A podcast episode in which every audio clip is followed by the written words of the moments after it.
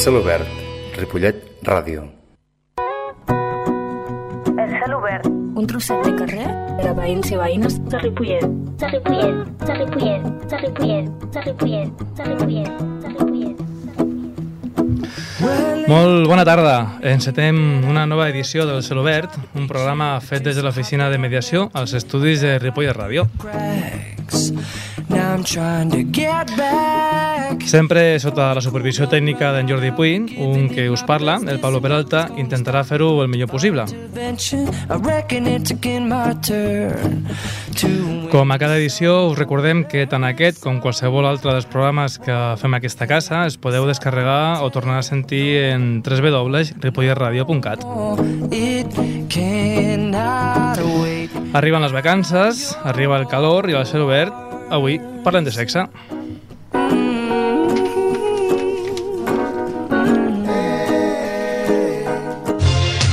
El cel obert شقفة طريق صغيرة لجيران ريبويت El cel obert, un trocito de calle para vecinos y vecinas de Ripollet.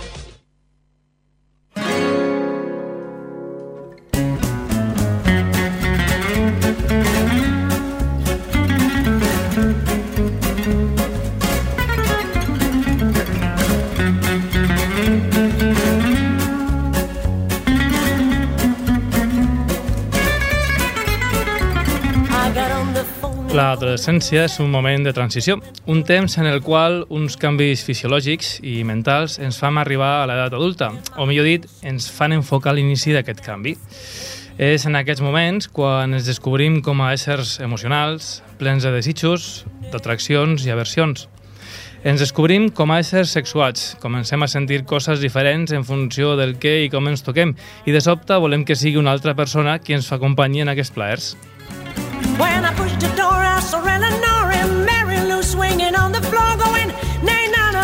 Si bé hi ha aspectes que tenen a veure amb valors o creences, existeix un ampli consens científic i social sobre determinats aspectes de la nostra sexualitat que ens haurien de fer viure-la, si més no, amb un alt grau de seguretat. Oh. Tot i estar ficats de ple en segle XXI, no tenim del tot clar si estem millorant o empitjorant en aquests aspectes, ja sigui per pors, religions, tabús, i una més que millorar l'educació sexual, sovint ens enfrontem al sexe amb més dubtes que respostes i amb més mites que veritats. Per tal de saber com ho estem fent i sobretot per tal de poder donar respostes a algunes d'aquests dubtes més freqüents que tenen els i les joves, avui ens acompanyen dues expertes per tractar d'aquesta matèria. Sí, expertes, no poseu cara rara, sou expertes. Uh, en primer lloc, la Mireia Llucià, que és llevadora de la CIR. Molt bona tarda, Mireia. Bona tarda, gràcies I- Pablo per molt- convidar-nos. Bona, a tu per venir. Uh, tenim també a la Maria José Morcillo, que és responsable del punt d'informació juvenil de Ripollet. Hola, Mare. Hola, bona tarda. Bona tarda. I tenim l'enorme sort que ens acompanya una futura periodista, que és la Andrea, que és una jove de Ripollet. Bona tarda, Andrea. Bona tarda. La Andrea que ha fet un recull també entre amics, companys de l'institut i d'altres llocs de, de preguntes i dubtes que potser sorgeixen a partir d'ara, no? Sí, sí. Molt bé. Doncs mireu, uh, si us sembla... perdó, podem començar uh, perquè ens expliquis, Mireia, perquè jo he dit la Mireia que és llevadora de la CIR. Uh, què és una llevadora de la CIR i què és la CIR? Val. Eh, la llevadora és el professional que respon a les consultes, el professional infermer que respon a les consultes eh, dins de lo que és el programa d'atenció a la salut sexual i reproductiva. Aquí estem en tots els centres de Ripollet, tant a Pinatons com a Ripollet com al Cap 2 i prestem atenció amb diferents horaris i pràcticament tots els dies de la setmana. És a dir, uh, jo sóc un jove, una jove de Ripollet, uh, tinc un dubte mm, que tinc a veure amb, sexu amb sexualitat, amb reproducció, i dic, ei, vaig allà. Sí, perfectament. Hi ha un espai eh, que està especialment pensat per als joves, que és la tarda jove, que és els divendres a la tarda, entre les 5 i dos quarts de 8. Uh -huh. I pot anar, no cal demanar hora... No cal demanar hores, pot anar eh, únicament, doncs, bueno, es necessiten les dades personals d'aquell jove. L'atenció és gratuïta, Mhm. per descomptat, i confidencial. Això és molt important, perquè Jo quan, crec pa- que sí. quan parlem de ens posem vermells, ens surten colorets, passen vergonya, oi que sí? Sí. Sí. I això que aquí no se'ns veu la cara. I la Maria José, què és? Que això és de, de, de dinamitzadora juvenil del PIC, què és això? Bueno, doncs jo sóc la persona de referència del punt d'informació, que està al Casal de Joves, just aquí baix de, de la ràdio, i també porto els punts d'informació dels instituts i rebo totes les demandes que, que fan els joves i moltes tenen a veure amb sexualitat. I si un jove et, fa, et veu per l'institut o diu, ostres, jo tinc un dubte però no sé on està això de la CIR, no sé ni tan que existeix, pot venir aquí al PIG o pot anar a l'institut i dir, ei, on està això? I tant, I sempre, dius. sempre derivem directament a la Mireia, que és la professional. Molt bé, perfecte. Uh, doncs mireu, si, si voleu per començar anem a sentir un, un tall de veu que ens enceta una mica en el tema. Nada, a mí me da vergüenza hablar de eso con mi madre, no sé, es un no me siento bien hablando de eso. Prefiero hablarlo con mis amigas o con alguien que no conozca así tanto como con mi madre. Da vergüenza, en verdad, porque ¿con qué cara vas a tu madre y le dices, oye, mana, oye, mamá, explícame esto, que no lo entiendo? No sé, pregunto a una amiga y ala. Uh, Andrea, ens fa vergonya parlar de sexe? Sí, a vegades sí. Sí, sí, sí, a més parles fluixet. Has de, aquí has de parlar una mica més alt, perquè en la ràdio si parlem fluixet... Sí, sí. Sí. Uh, tenim un problema al parlar de sexe?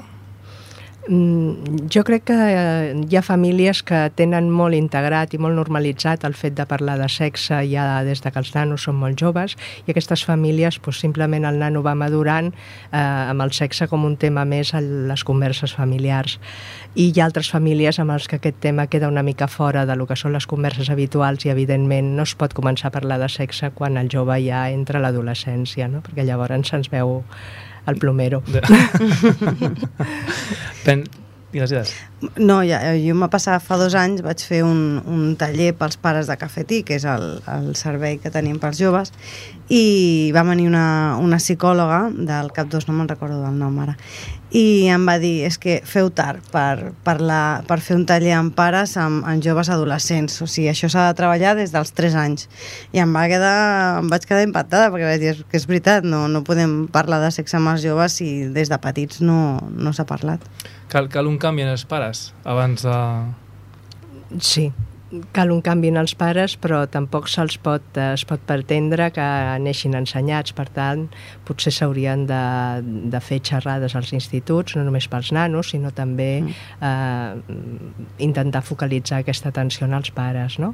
Clar, perquè algun tipus se- d'intervenció. Se m'acudeix que mm, segurament molts pares seran incapaços de respondre les preguntes dels seus fills, no per vergonya, sinó de vegades per coneixement. Segur que sí, Mm. segur que sí.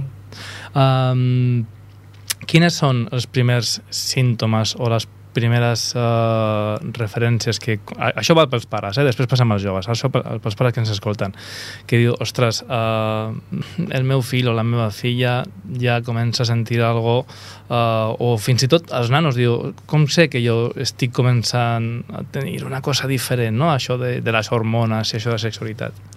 Home, hi ha tota una part que correspon als canvis físics, que en les noies doncs, potser és, eh, eh, és, és visible més aviat, i després, a part dels canvis eh, físics, també hi ha un moment en què el jove eh, tanca la porta, no? Quan el jove comença a tancar la porta, es cobreix, eh, és que alguna cosa també està canviant, Mm. més enllà de lo que Més és enllà. els canvis puberals. Um, fem un, un, un altre tall, ¿vale? Yo creo que los niños van más avanzados, que ellos la pierden antes que la mayoría de las niñas. Las mujeres nos esperamos a que sea todo bonito. Ellos experimentan antes, ¿no? Eh, és diferent uh, l'accés al sexe o a la sexualitat o, o la iniciació en la sexualitat en els nanos que en els nois que les noies? Aquesta, Andrea, pot ser tu, en la, així, a, així a bote pronto, no? Com es diu? A, els teus amics, els teu... Hi ha una, una inquietud major amb els nens que en les bueno, noies? en els nens sempre, no sé, tenen més... Sempre són els nens els primers, per, per exemple, en els meus amics, gairebé sempre tots els nens són, són els primers perquè els incita més, però jo crec que seria igual. Eh? Mm. Vosaltres noteu? Hi ha alguna diferència? Jo, jo noto una diferència a nivell més social, és a dir, el... començar amb la sexualitat amb els nois és, una, és com que no està tan tan mal vist, per dir-ho d'una manera, com si ho fa una noia, no? Sembla que sempre s'associa no? a la virilitat, a la masculinitat dels homes, i les noies és com que mm, te tocando y eres algo raro, no? I aquesta és la, la part més social que sembla com que el noi és més habitual i ho fa abans i no passa res. Però jo crec que és com diu l'Andrea, no sé, jo crec que és mm, per igual. O no sé què dius tu, Mireia. Bueno, jo crec que els nois se senten sorpresos per les primeres pol·lucions nocturnes, això realment els pilla una mica desprevinguts, però un cop que ja han descobert una mica quina és la mecànica d'això, eh, com deia la Maria José, doncs potser es tenen més un mm, tenen més vistiplau des del punt de vista social que no pas les noies. Mm. Bueno, pues a mi m'han dit que pregunti que per què alguns homes, bueno, nois s'aixequen amb una erecció. Doncs perquè de forma, mm, doncs a vegades degut a un somni o fins i tot a vegades ells no recorden el somni, però hi ha algun tipus de- d'impuls eh, que desencadena una resposta sexual amb una erecció i fins i tot una ejaculació i el que els desperta, associat a aquesta sensació de benestar, és la humitat no, del líquid seminal. Mm. Em preguntava un, un nano, diu, mira, escolta, jo el problema és que de vegades doncs, estic a classe uh, uh, i, i, i m'entrampo així i, i no estic pensant en res. I I això per què és? Doncs perquè hi ha vegades que les ereccions es desencadenen de forma espontània sense tenir-hi associat cap pensament eròtic ni, ni, ni sexual. Mhm. Això sol passar, mm, sol mm, deixar de succeir a mida que va passant el temps. Afortunadament. Seria, seria un desastre. Vull dir que no, que no es preocupin, que no li donin més importància, que mirin Ah. d'aïllar-se d'aquest tema i probablement també a mida que va augmentant la pràctica de la masturbació també aquestes tensions eh, s'eliminen amb més facilitat. En el sillón de mi cuarto pienso en ti con mis manos. ¿Qué hacer?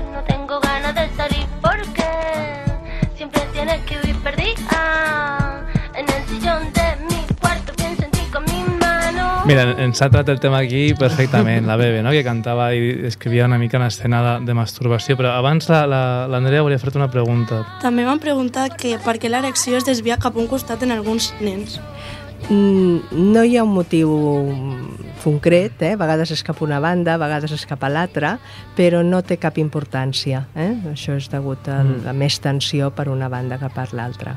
Perquè eh, ja, en, recuperem el tema de- d'aquesta de, la mar- de la masturbació. Mhm. uh, és la primera pràctica sexual? La podem considerar com a tal? És la primera pràctica sexual en la, en la que els homes i les dones doncs, eh, comencem a, a provar? Jo crec que sí, Mhm. jo crec que sí, que a partir d'aquí, doncs, eh, bueno, no, potser amb les noies, potser amb les noies descobreixen abans l'excitació a través del contacte o de petons, perquè com que la masturbació pot estar moltes vegades vetada, o la Mhm. noia sent que està vetada, potser descobreix l'estímul sexual a través de les primers petons o les carícies amb la parella, no? Mm. Vull dir que potser amb els nois sí, però amb les noies potser no sempre. I, bueno, és dolent masturbar-se? En absolut. És la millor manera de descobrir el cos, de preparar-se per compartir una sexualitat madura. El que passa és que, bueno, que és una, una situació en la que tothom té llibertat de començar quan vulgui i si ho creu convenient, si en té ganes i li ve de gust. Per tant, si una persona es masturba molt poc o amb freqüència abans o després, o si ho fa pues, eh, molt més endavant, això no té cap eh, mena d'importància. I és veritat que causen net? No. no, no, no, no. No, ni, ni, ni ceguesa... No, ni no, no, no, no, ni, ni, ni trastorns mentals, no, no, no, absolutament res, al Mhm. contrari. Eh? Ajuda a madurar des del punt de vista fisiològic i a conèixer la resposta sexual pròpia davant d'estímuls. És curiós perquè hi ha alguns que ja tenim alguna edat eh, i, i encara els mites són els mateixos, no? Hem, hem, això hem evolucionat poquíssim. Mm. Jo, jo, la, la típica pregunta que sempre em fan en el, en el casal de joves i en els instituts és eh, si em puc quedar embarassada, si em, em passo semen, em puc quedar embarassada. Des de que treballo al casal, bueno, i des de que jo era jove, sempre és la mateixa pregunta. Sempre re repeteixen, no? Sí, Sí, els mites sí. no, no s'avancen. Jo crec que tots saben que no, però per si acaso pregunten. no fos cas, eh? Clar, A veure si ha canviat aquest any. Pot ser, té, pot ser té a veure també en què no hi ha moments de respostes clares, no? I dir, ei, això no és, no? I, o una frescura més normal. Pot ser té a veure o, o o això serà per secular seculorum i quan els nostres fills tinguin la nostra edat tindrem No, i que també funcionen per rumors, no? L'institut és, un, és un espai on es relacionen i que parlen molt i, i, se, i el, el tema del rumor, no? de dir, pues, aquesta noia eh, se'n va passar el semen i es va quedar embarassada i bueno, ja Mm. va passant d'una a una altra, un- i històries vàries relacionades amb el sexe n'hi ha mogollon. Bueno, això l'Andrea té més experiència. Sí. Jo ja no me'n recordo. Però no, bueno, és que ara no, no es fan aquesta, no sé. Sí que hi ha coses de, ui, mira que ja té panxa, no sé, millor quan té nòvio s'ha pogut quedar embarassada, però tampoc coses així, no Mm. sé. Rumors, sí, rumors, i més rumors. Clar, també és un tema molt sucós, no?, per treure rumors, perquè a més és tan interessant i és tan, tan diferent. um, respecte a, bueno, a la sexualitat i, a, i al cos de cadascú, hi ha molts nenos que pregunten, "Eh, escolta, això del tamany és important o no?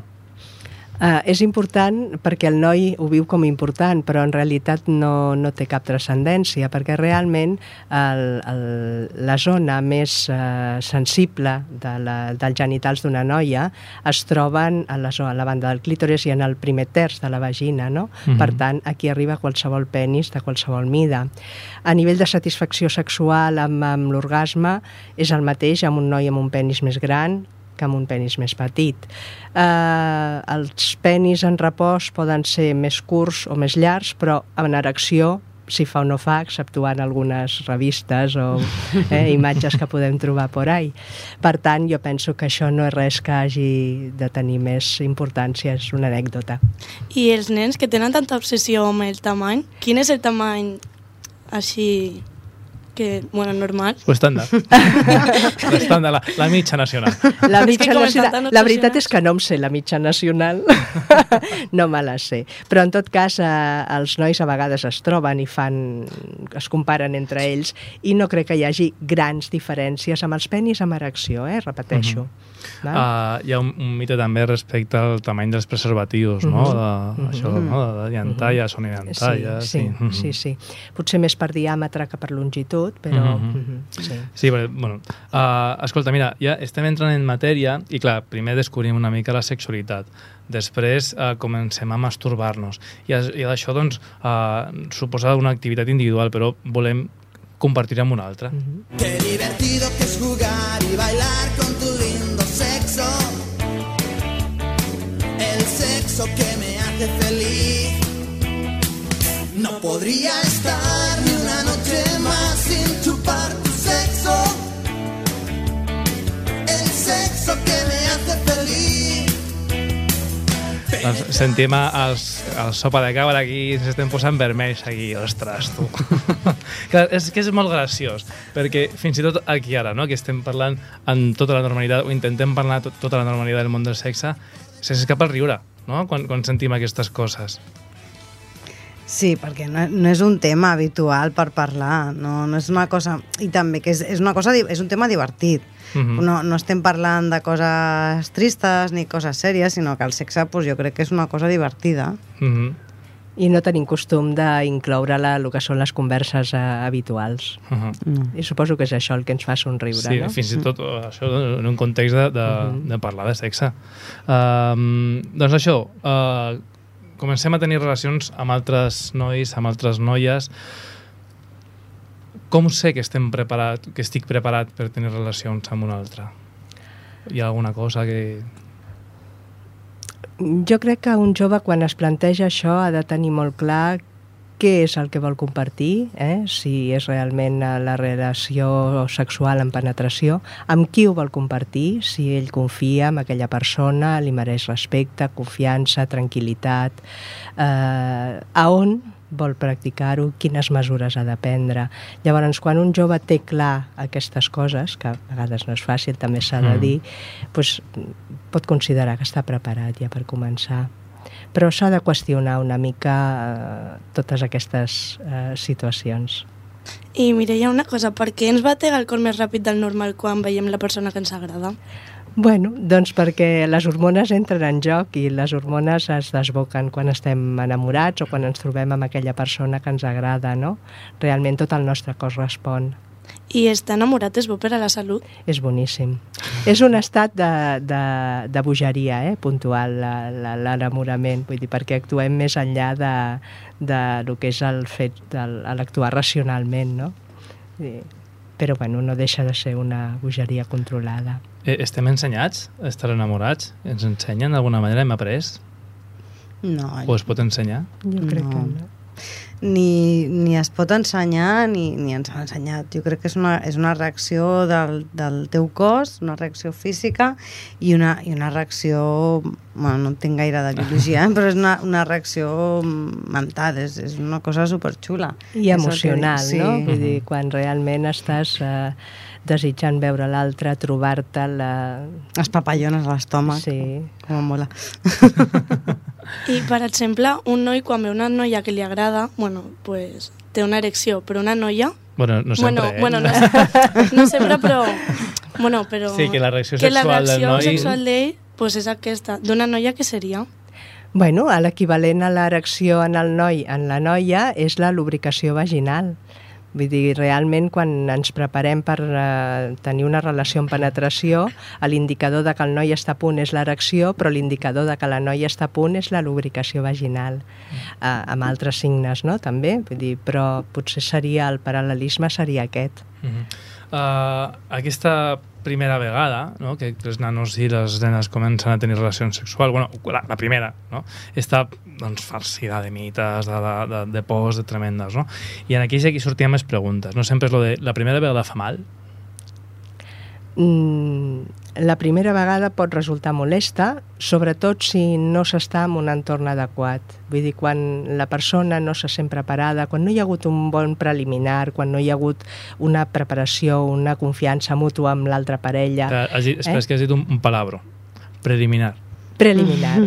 De què parlem quan parlem de parlem preliminar? de tot el que té a veure amb l'excitació, les carícies, els petons, tot el que englobaria el petting. Una bona pràctica per, eh, per les parelles que, que comencen a compartir el seu cos amb l'altre seria la pràctica d'aquesta activitat que... Eh, que té que veure amb tot tipus de contacte sense incloure la penetració.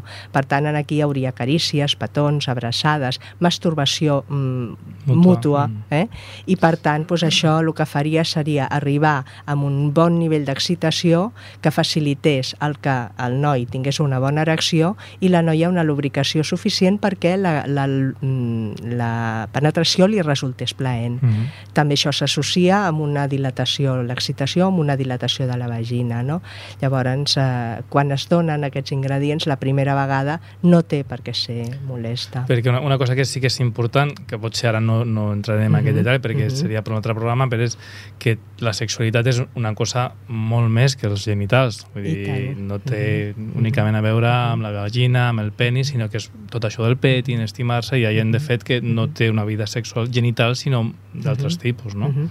Sí, realment, doncs, bueno, el, això ja ho diem que hi ha unes zones erògenes que són més sensibles als estímuls a través de petons, de carícies, de, Mhm. del tacte suau o, o altre tacte, fins i tot no tan suau, i, però després hem de considerar que tot el cos pot ser una enorme zona erògena, no? Mm. I que el fet de, de que t'abracin, de que et diguin paraules tendres, de que hi hagi... Tot això facilita el que et sentis còmode, tranquil·la i a gust amb la persona que t'acompanya i aquestes experiències, acabin en penetració o no, resultin plaents per a tots dos, que és l'objectiu, no? És cert que la primera vegada no es pot deixar embarassada? No és mentida. La primera vegada i, i la segona i la tercera, per tant, hem, hem de pensar que s'ha de fer servir algun mètode anticonceptiu per evitar doncs, les conseqüències desagradables de, de vegades aquestes relacions tan boniques, no? Uh -huh. uh, també em preguntava una noia, escolta, què és això de l'himen i per què serveix? Bueno, servir, servir, jo penso que antigament devia tenir alguna utilitat. Eh, avui en dia mm, és una membrana elàstica, normalment mm, que té un, una perforació, vull dir que quan una dona, una noia, té les primeres relacions no té per què trencar-se res. Moltes vegades aquest himen doncs, simplement cedeix davant el que és la primera relació, però de vegades es pot produir una, un, un, el rasgat d'aquesta membrana i això pot produir un petit sagnat. Mhm. I, bueno, doncs, en aquests casos, doncs, si el sagnat és petit, doncs, normalment les noies ja saben, o les parelles ja saben de què va, i si a vegades és una miqueta més gran, doncs realment s'enduen un Un bon ensurt. ensurt. és llàstima, però, bueno, pot passar. A vegades fer servir una miqueta de lubricant, buscar una postura agradable, còmoda, anar molt a poc a poc. Per això és tan important la, la compenetració i la confiança amb la parella, no? Mm. Una miqueta per entendre's tots dos i parlar. Parlar és molt important, que hi hagi comunicació entre tots dos, perquè l'un pugui saber El què és que el que l'agrada. sentint l'altre, no? Clar. Perquè si no, a vegades donem per suposat coses que potser no són. Això és el típic de les pel·lícules que diu, t'ha agradat? I home, escolta, m'ho preguntat abans, no? si m'estava agradant. Veig a l'Andrea que té aquí moltes ganes de disparar. Dispara, Que Andrea. és veritat que les noies que fan bueno, gimnàsia rítmica tenen el imen, bueno, que no el tenen, o que el tenen ja trencat. Pot ser que algunes activitats físiques molt brusques eh, eh, desencadenin una major elasticitat d'aquest himen. Però mm, pensem que, aviam, associar l'himen eh, eh, amb alguna més no deixa de ser una part més de l'anatomia de la noia, no? com podria ser un llavi, com podria ser el clítoris, com podria ser qualsevol altra part. Mm, No té massa sentit donar-li massa importància, eh? perquè aquí moltes vegades associem a l'himen amb virginitat, i virginitat és un concepte que avui en dia no hauria de- d'estar de, en la nostra ment, no? Uh -huh. uh, quan comencem a tenir relacions sexuals, també comencem a buscar, uh Mhm. -huh. comencem a mirar. I ara, abans, doncs, escolta, doncs, tots hem buscat en l'enciclopèdia les paraules així una mica a diferents, no? I subratllaven en la sopena aquesta verde de tots. uh, I ara tenim un, un accés que és una mica, doncs, és molt interessant, però també és, bueno, pot ser perillós. Que la pornografía no te da nada. Tú lo vas a hacer con tu pareja o con la persona que sea, pero no vas a hacer lo mismo que ves, ¿sabes? La pornografia. Els nens i les nenes eh, busquen en internet i, clar, es troben de tot. Hi ha coses molt xules i n'hi ha coses que... Bueno, no sé si són xules o no, però segur que no són veritat.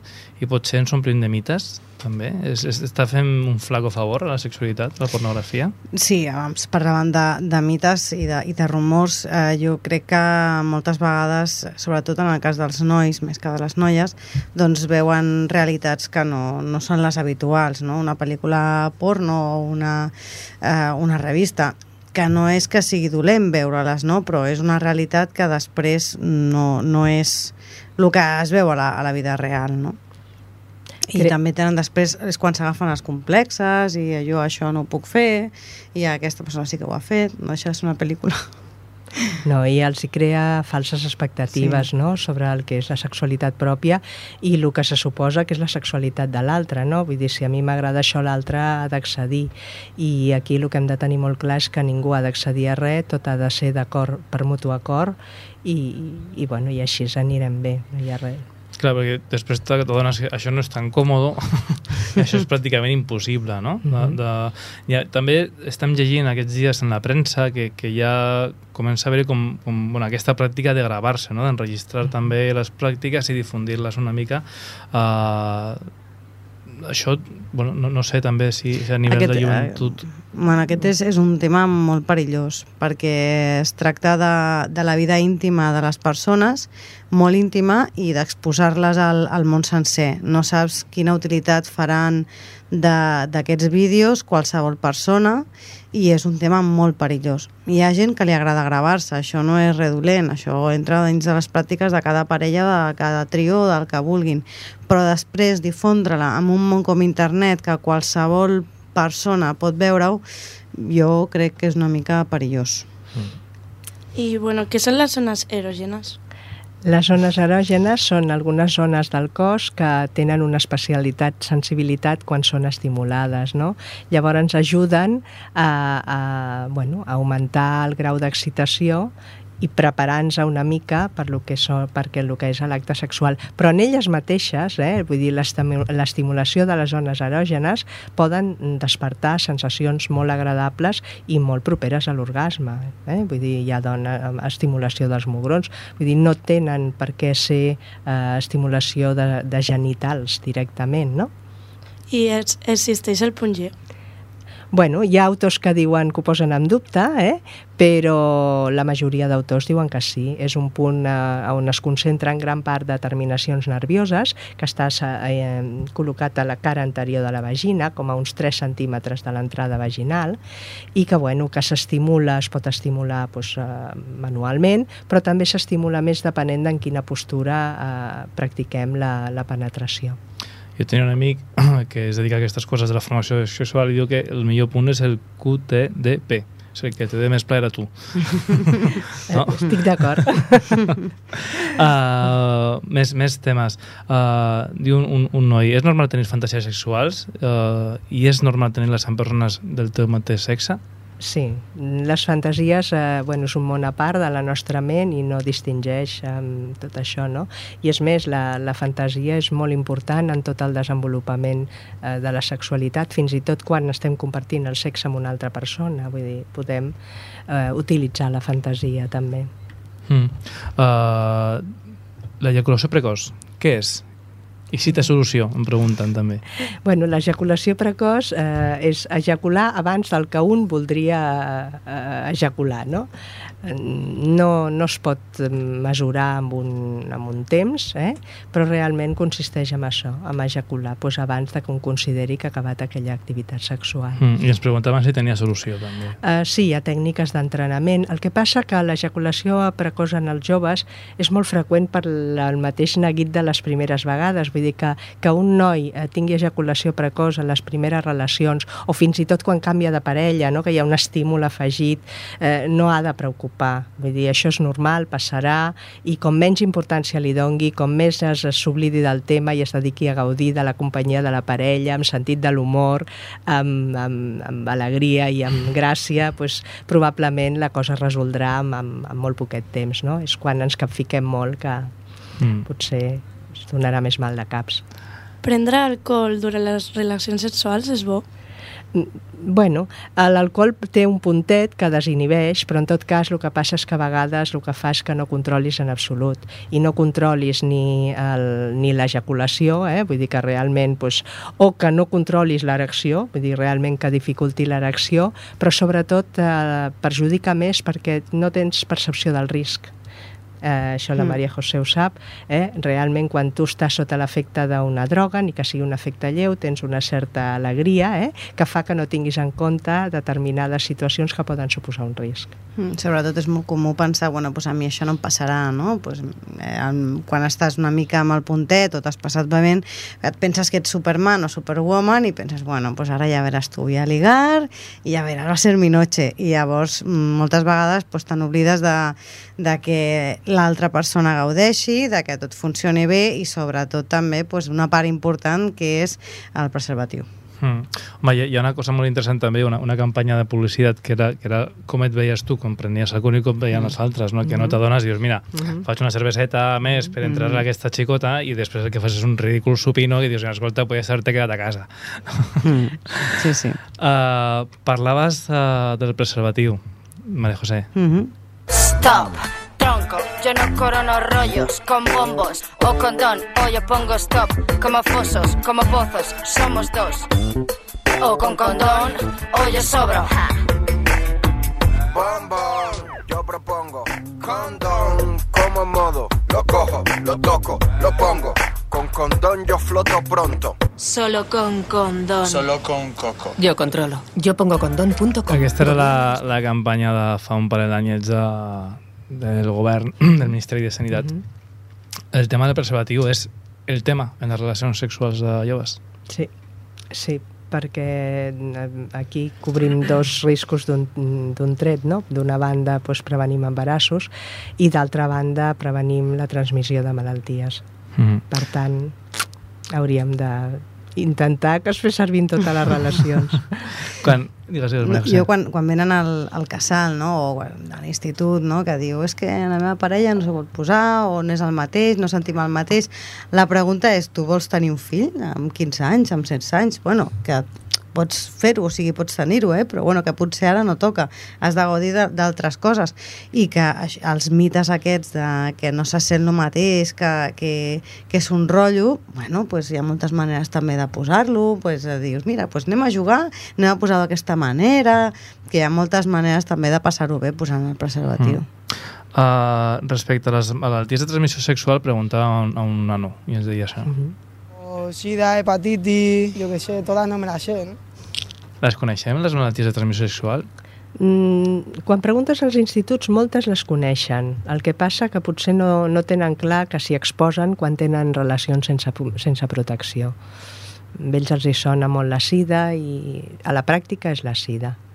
Però Perquè- després n'hi ha altres altres, sí, no? Que... Sí, n'hi ha moltes d'altres, n'hi ha doncs, la, la clamídia, que és molt freqüent, que no dona símptomes, per tant és important tenir-la en compte. Què és, què és la clamídia? La Explica'ns, sisplau. clamídia és una, una malaltia de transmissió sexual que afecta l'uretra en l'home i el coll, el coll uterí, el cèrvix, eh, eh, el canal cervical a la dona, que, com us deia, no provoca símptomes, que és pròpia de persones joves que canvien de parella sovint i que com a, com, com a complicació doncs, pot tenir problemes de fertilitat. Val? Ah, Llavors, doncs, bueno, mm, és, és important fer servir el preservatiu per aquesta i per moltes altres, no? I quina és la diferència entre la sida i el VIH? Val. Una persona que és VIH positiu vol dir que és portadora del virus. Aquest virus eh, està present en la sang i en les secrecions vaginals de si és una noia i en el semen si és un noi i pot ser eh, font de transmissió quan manté relacions sense protecció amb una altra parella. Eh, quan fa uns anys, eh, des de que tenim anticosos de la sida fins que desenvolupem la malaltia, pot passar un període de molts anys fins que aquesta malaltia dona la cara i mm, és transmissible tot el temps.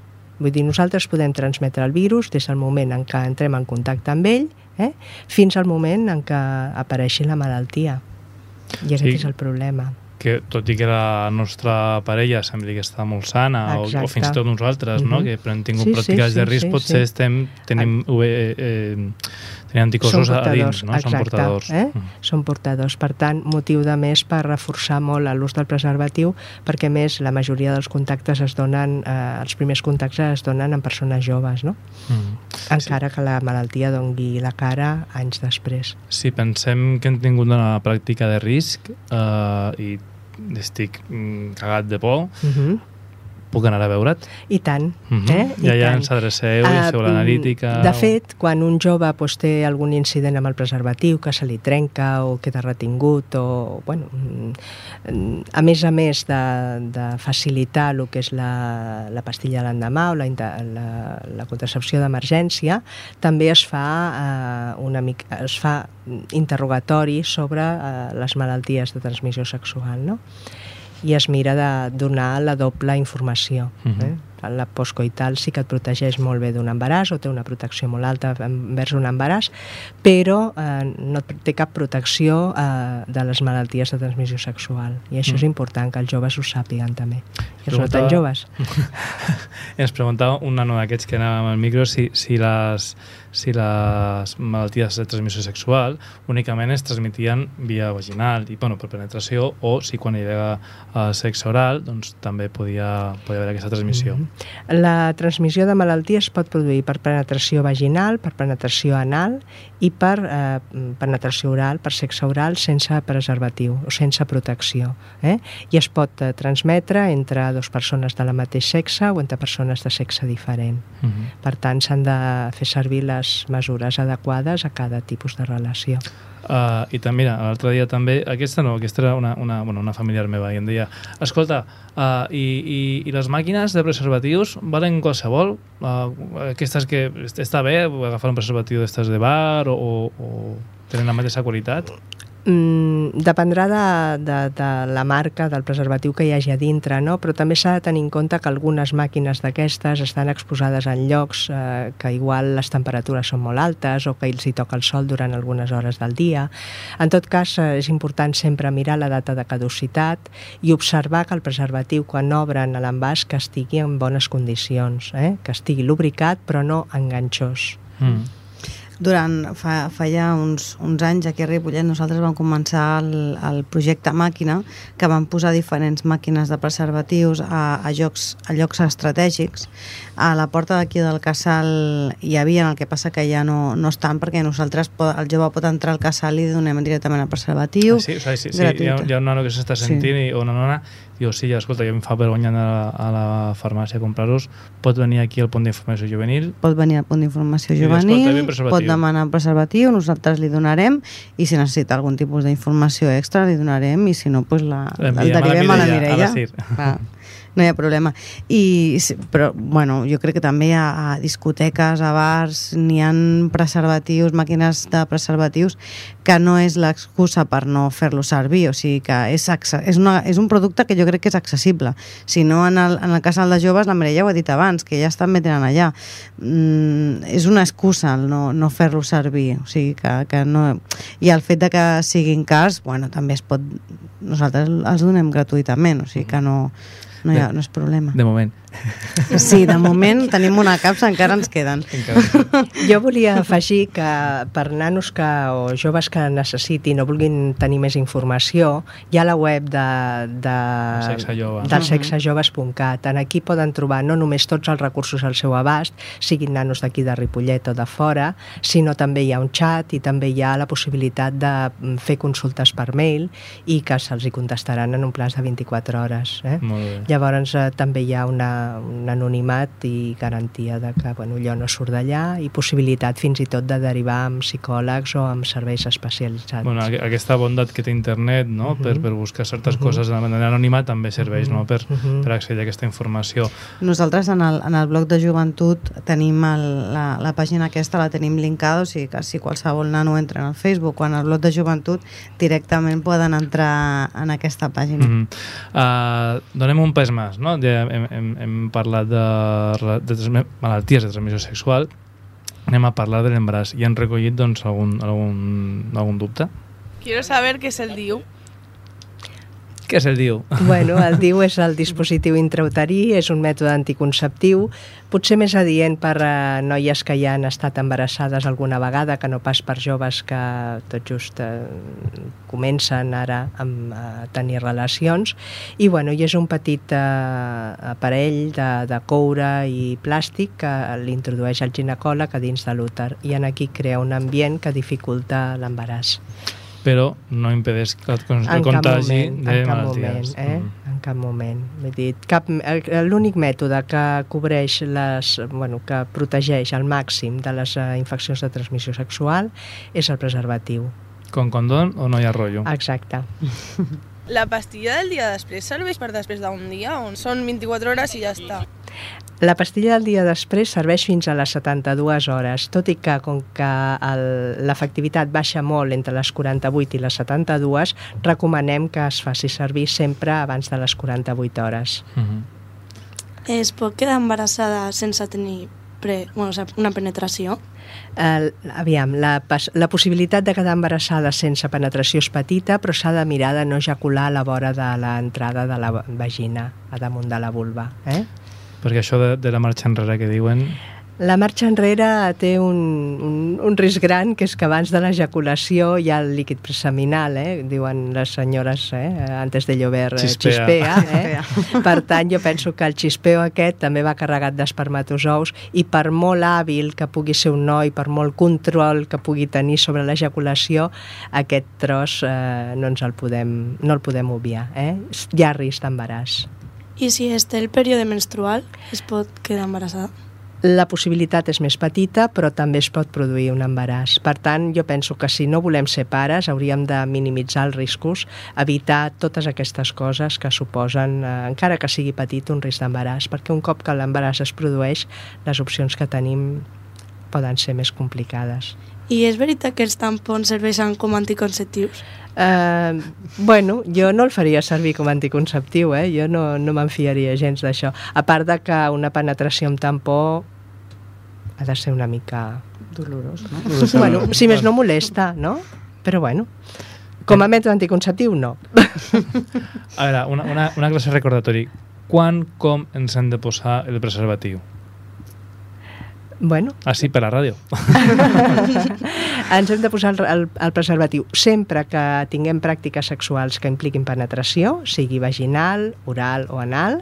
El preservatiu s'ha de posar sempre amb el penis erecte i bueno, hem de pinçar el que és el reservori que hi ha a la punta perquè aquest reservori és el que recollirà després el líquid seminal. Sí, que és una punteta que fa com una caputxeta, eh?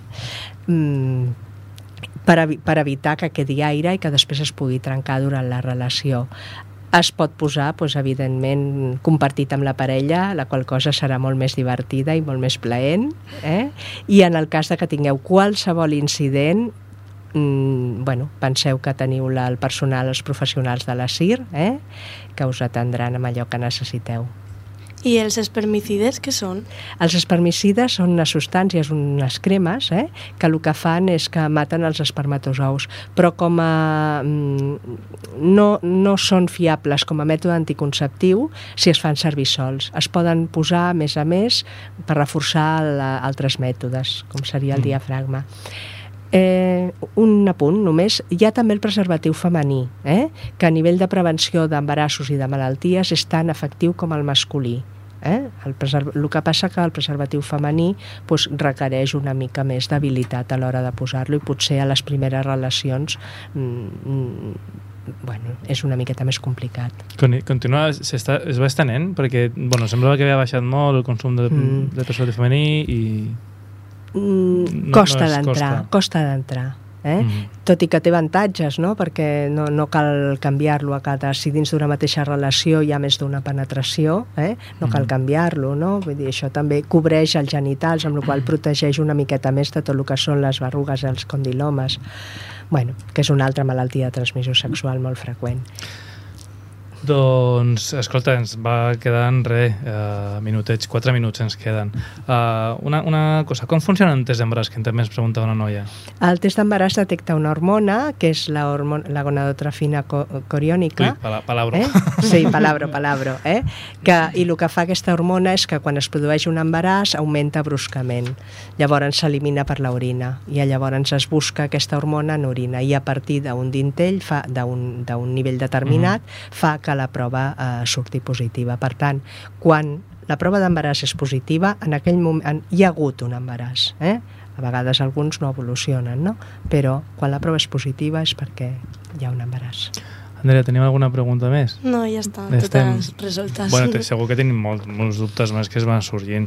Uh, potser hem de repetir, vale? Vull dir que potser això de tant en tant un programa sobre sexe, uh, o fins i tot, mira, un, un estàndard ja contínuament per parlar de sexe sense parar. Uh, Però igualment poden continuar preguntant, eh? A la, a la Sí. web que ha dit la, Sí, la Mireia abans, sí. ja podeu fer .cat, totes o si no entren al, blog de joventut i que ho Mm. mirin. Mm.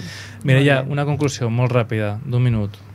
Doncs bé, que la sexualitat és, eh, forma part eh, del desenvolupament de, de la persona, que és molt divertida, és molt gratificant i que, bueno, que únicament pensem pues, això, que hem de tenir en ment que pot anar associada a embarassos no planificats i a infeccions de transmissió sexual, però que, bueno, que és tot un món eh, i que val la pena disfrutar-la. Maria José, 30 segons.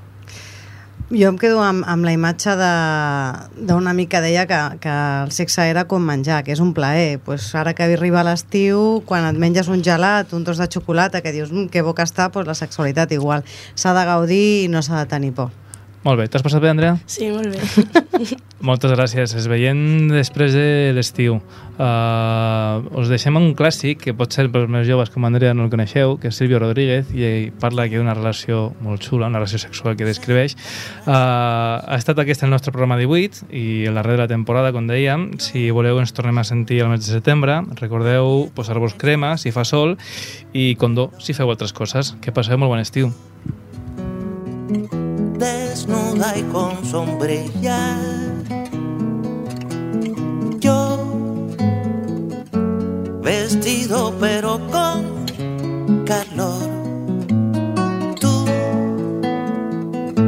con uñas y con dientes, mirándome de frente, con brillo de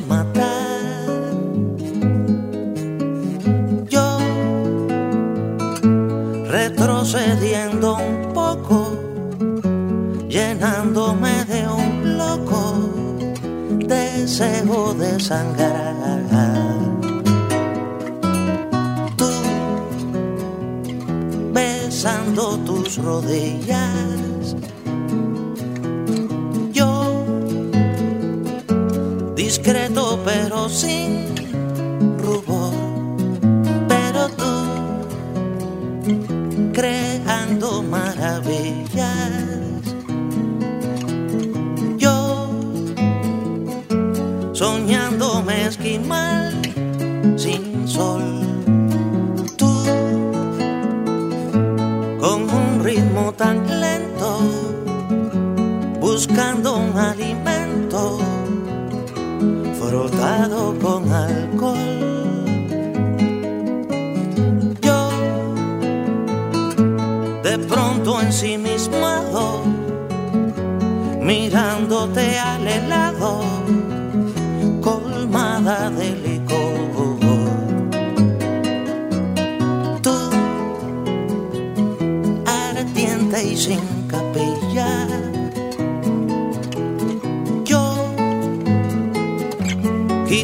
quitándome el sombrero, alón, pero tú, dispuesta a la vaquilla. Yo, al filo de mi pantalón, yo, a punto del delirio, extraigo un solo cirio que poso ante tu flor. Tú, susurrando un misterio de un no sé qué venéreo, me das un protector. Tú, sentada en una silla,